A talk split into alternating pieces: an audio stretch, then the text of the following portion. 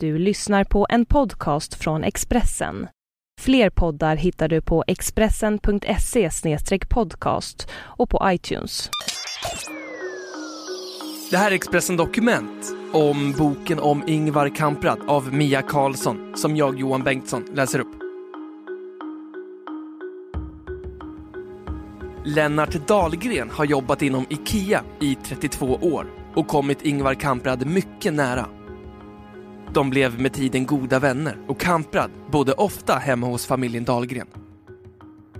Lennart Dahlgren hyllar Ingvar Kamprad i boken IKEA på väg mot framtiden som kommer ut i veckan. Men Kamprad får också kraftig kritik.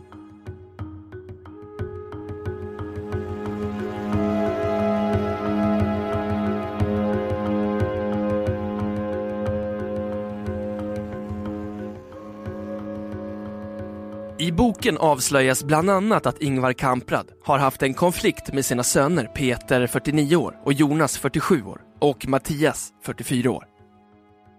IKEA ägs av en stiftelse, men Ingvar Kamprad har sett till att familjen fått royalty på IKEA-varuhusens omsättning. Författarna uppskattar beloppet till 20 till 30 miljarder kronor. Pengarna stod på de tre sönerna, men Ingvar Kamprad ville stoppa dem och senare försökte han pruta på beloppen. Det ledde till att de tre sönerna anlitade amerikanska stjärnadvokater mot sin far. Ingvar Kamprad fick till slut ge sig, enligt Björk och Dahlgren. Ingvar och sönerna är förtvivlade över att uppgifterna har kommit ut eftersom konflikten ligger flera år bakåt i tiden och relationen mellan söner och far nu är väldigt god, säger en av familjens vänner till GT. Ingvar Kamprad har ännu inte läst boken, men ska göra det. Och innan familjen fått chansen att uttala sig om uppgifterna i boken vill familjen att ingen anställd på IKEA ska uttala sig. Lennart Dahlgren, som gick i pension från IKEA för drygt fyra år sedan, var chef för IKEAs satsning i Ryssland. Han har även jobbat för IKEA i Tyskland, Bryssel, Frankrike, Danmark och Schweiz. Alla ser ju upp till Ingvar Kamprad och man kan inte rå för för att man blir imponerad av denna fantastiska människa. Om jag har träffat någon människa i mitt liv som förtjänar epitetet geni så är det han. Men geni betyder inte att man gör allt rätt. Han har, tycker jag, korkade sidor som jag aldrig förstått mig på, säger Lennart Dahlgren. Lennart Dahlgren och Stellan Björk säger att läsaren kommer närmare Ingvar Kamprad in på livet än i någon annan bok som har skrivits om honom. När Ingvar Kamprad var ute på jobbresor utomlands bodde han gärna hos Lennart. Ibland upp till ett par veckor. Vi i familjen kunde tycka att det var ganska skönt när han åkte hem efter att ha bott hos oss ett tag. Han är så intensiv, uppe först av alla på morgnarna och det är hela tiden nya initiativ och inte en enda paus. Ibland bodde han ju hos oss i några veckor och då behövde vi en paus. Men sen behövde det bara gå en dag så började vi sakna honom. Varje gång. Och vi var glada varje gång han skulle komma och bo hos oss, säger Lennart Dahlgren.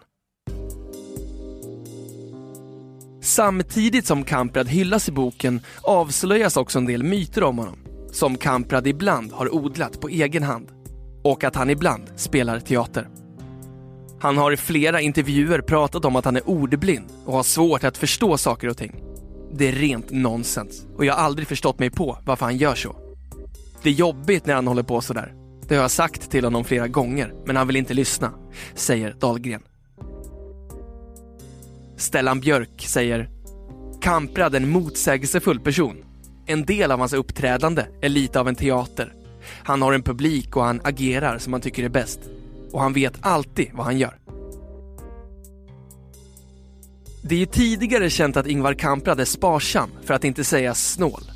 Att han alltid åker i äldre bilar och bor på billiga hotell. Och han prutar ogenerat. I boken berättas det bland annat om när Kamprad tog med sig Lennart Dahlgren till sin favoritaffär, Grosshandlaren, för att köpa en ny frack och förmådde chefen att sänka priset ordentligt.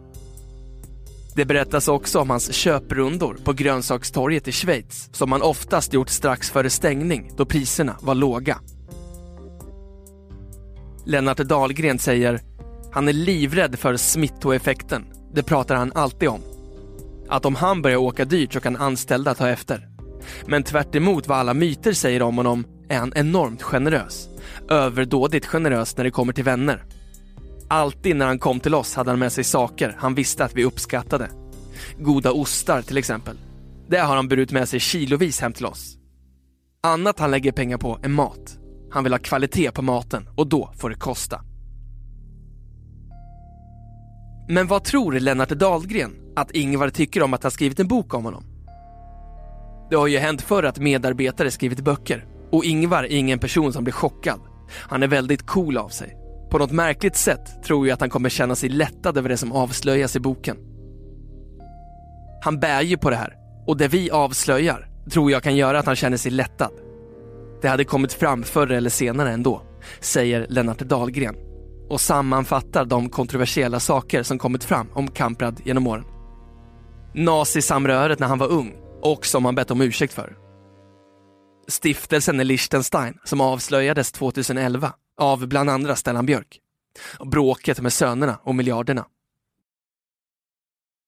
Jag tror att det blir skönt för gubben, nu när han drar sig tillbaka, att veta att nu är alla de här skeletten ute ur garderoben.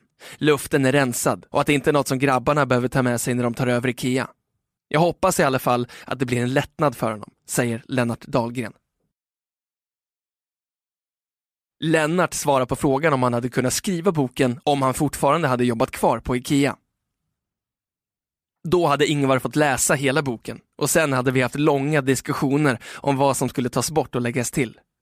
Jag skrev ju en bok om IKEA när jag var anställd och då fick han läsa den. Det har han inte fått göra nu. Det är ett par år sedan vi pratades vid. Jag är övertygad om att han kommer läsa boken och sen säga vad han tycker, säger Lennart Dahlgren och tillägger Ingvar Kamprad har all rätt att få all bunden han kan få. Han är en fantastisk människa.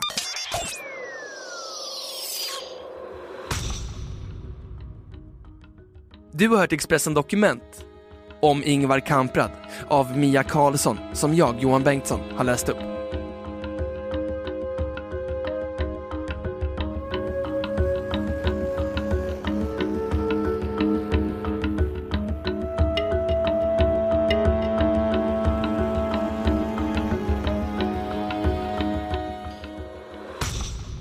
Du har lyssnat på en podcast från Expressen. Ansvarig utgivare är Thomas Mattsson. Fler poddar finns på Expressen.se och på iTunes. Ett poddtips från Podplay. I fallen jag aldrig glömmer djupdyker Hasse Aro i arbetet bakom några av Sveriges mest uppseendeväckande brottsutredningar. Går vi in med hemlig telefonavlyssning och, och då upplever vi att vi får en total förändring av hans beteende. Vad är det som händer nu? Vem är det som läcker? Och så säger han att jag är kriminell, jag har varit kriminell i hela mitt liv men att mörda ett barn, där går min gräns. Nya säsongen av Fallen jag aldrig glömmer på Podplay.